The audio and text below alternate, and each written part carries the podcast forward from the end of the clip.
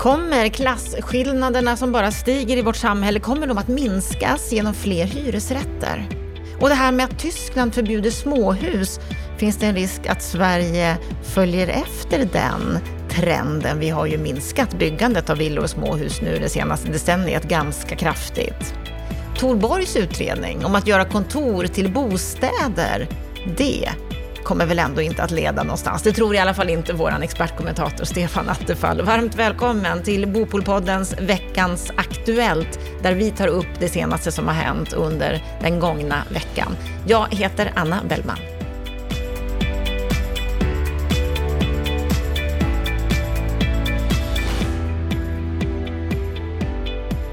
Under veckan som har gått så kan vi säga att det har hänt en hel del saker som vi ska ta upp här i veckans Aktuellt tillsammans med vår expertkommentator Stefan Attefall. Och vi ska börja med den stora bok om klass och ojämlikhet som Daniel Suonen har skrivit där han beskriver att förmögenhet, bostadsmarknad bland annat är delar i att klasskillnaderna och ojämlikheterna har ökat. Va, vad säger du om det här Stefan? Jo, det är ju en diger lunta som eh, katalys som det här fackligt finansierade Idéinstitutet som Daniel Suhonen leder har ju tagit fram en, en tjock bok med massa forskare som har diskuterat ojämlikhet och klasskillnader i Sverige. Och det kan vara intressant i sig för debattens skull.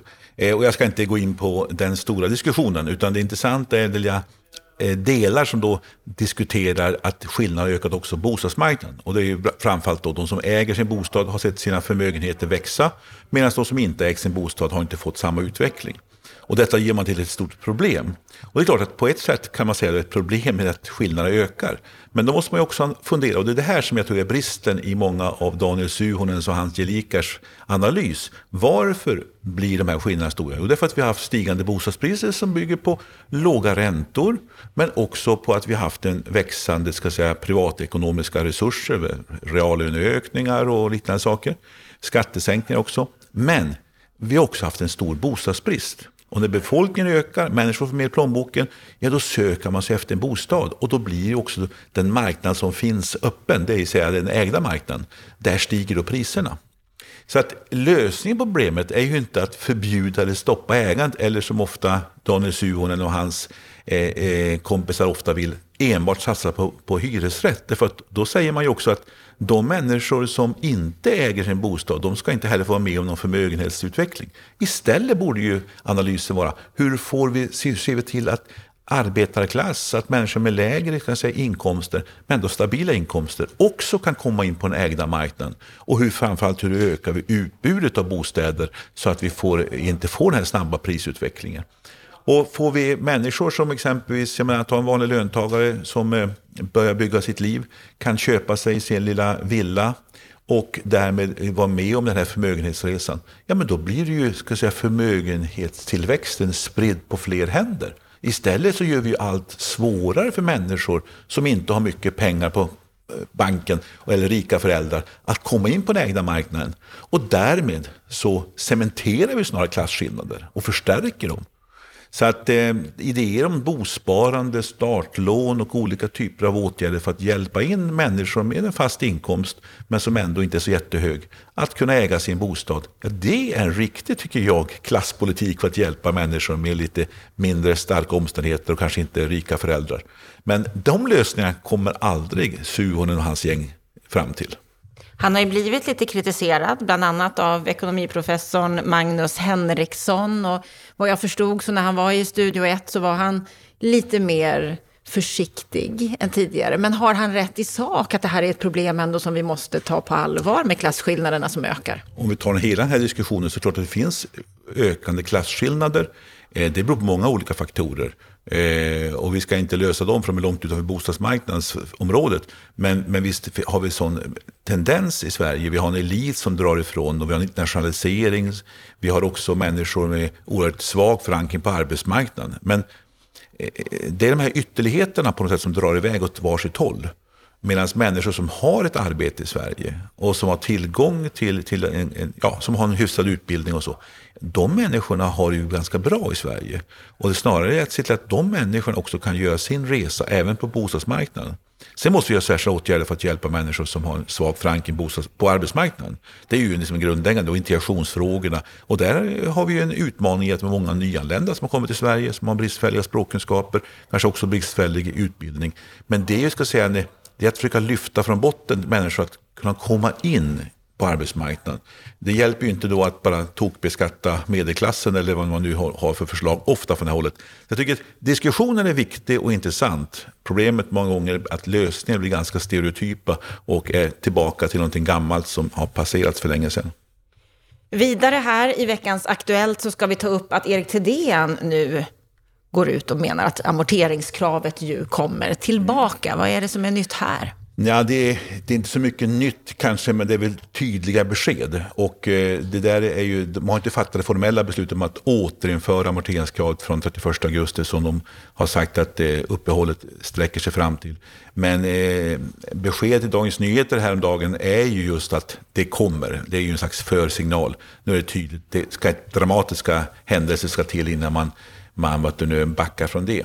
Och eh, det som är intressant, eh, förutom beskedet i sig, det är ju att eh, i den här intervjun i Dagens Nyheter så så avfärdar han ju kritikerna. Och journalisten ställer ju mycket intressant frågan. Ja, men förre vice riksbankschefen Lars E.O. Svensson, de tidigare ordförande i Finanspolitiska rådet Harry Flam och John Hassler, SBABs chefsekonom Robert Boye, de har ju kritiserat de här amorteringskraven och menat att de slår fel. Alltså det är ganska tunga kritiker och han bara avfärdar dem. Och man kan säga så här att Ja, han säger att ja, vi måste vara försiktiga, säger han. Och det är klart att det ska alltid Finansinspektion vara. Men försiktigheten måste också paras med ska säga, en, en korrekt analys av vetenskapliga studier. Och det är ju det som de här kritikerna har pekat på, att de har ju inte ens läst de internationella studier de pekar på på rätt sätt. Och framförallt, och det är kanske det anmärkningsvärda, det är att Finansinspektionen är så ovillig att vara ute i debatt med sina kritiker. På seminarier, i olika sammanhang så bemöter man inte de här argumenten. Och det tycker jag är den allvarliga kritiken mot Finansinspektionen. Försiktig ska man vara, men man kan ju vara så försiktig så att man, blir, så att man går för långt i försiktighet. Man måste hitta en balans. Och, och eh, där tycker jag att de argumenten, de tycker jag Erik Thedéen och Finansinspektionen inte tillräckligt mycket går in och går i clinch med, utan bara avfärdar dem. Och eh, då blir ska säga, den här diskussionen ganska fattig och eh, den stannar på något sätt i, i, i någon slags eh, ställningskrig utan att man kommer fram till någonting. Och det här har vi påpekat många gånger, just deras ovilja att vara med och diskutera de här sakerna. Kan det ligga prestige i det här? Det, det, det är så man kan misstänka i alla fall. Eh, nu har ju äntligen, tack vare finans, eh, finansutskottet, riksdagens eh, uttalande, och regeringen också bett en utredare att titta på de här kreditrestriktionerna i samband med att man tittar också på startlån. Det får vi se då i november det här året. Och det är klart det är väl en analys som då är bra att någon gör, så att vi får mer fakta på bordet. Men eh, jag tycker att det kanske gått för mycket prestige det här, för lite av samtal kring vad säger studier, vad är en rimlig avvägning? Och eh, det innebär inte att man ska avskaffa alla kreditrestriktioner, men hur hittar vi en bra balans och hur hittar vi framförallt instrument för att hjälpa människor som inte har massa kapital på banken eller rika föräldrar att också kunna äga sin bostad. Eh, och det är de här frågorna vi måste väga ihop och där tycker jag Finansinspektionen smiter undan lite grann för lätt i diskussionen.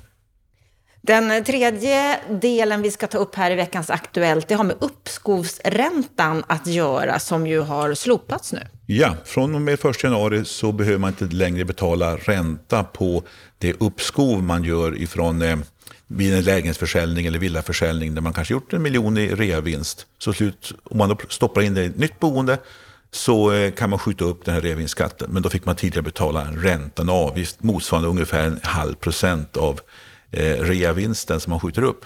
Det är borta nu. Frågan är då, får det här några stora effekter på rörligheten som är argumentet? Och där har ju då eh, Claudia Wörman på SBAB uttalat sig i torsdagens, eh, tror jag var Svenska Dagblad. Eh, och även en eh, Stefan Tell från, från Hemnet. Och deras slutsats är väl att det får marginella effekter. Möjligtvis lite äldre människor som lämnar villan, köper en ny bostadsrätt. Där kan det få en viss stimulans att man vågar ta det steget. Så en viss eh, effekt kan det få på rörligheten på bostadsmarknaden. Men som sagt vad bedömarna säger att det får kanske ganska marginell betydelse.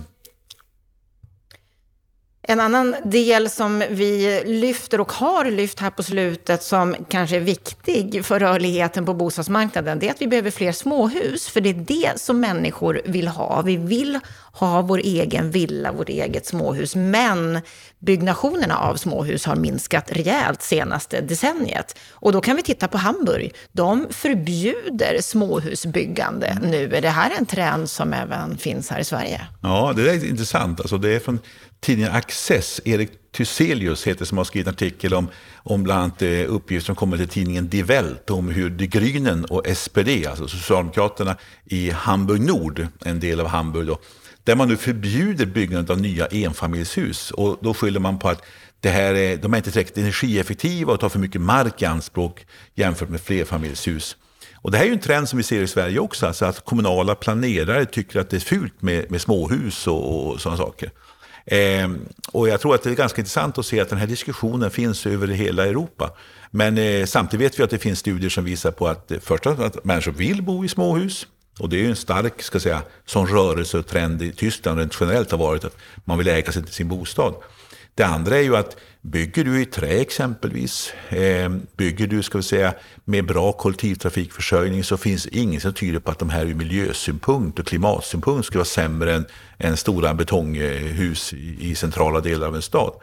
Så att det där är liksom en diskussion som ibland blir ganska eh, fyrkantig. Men framförallt så går ideologi och, och trender i de här frågorna. Och eh, tyska exemplet här visar på att även den svenska debatten färgas mycket av de här sakerna. Vi ser det ute i många kommuner där man motverkar småhusbebyggelsen.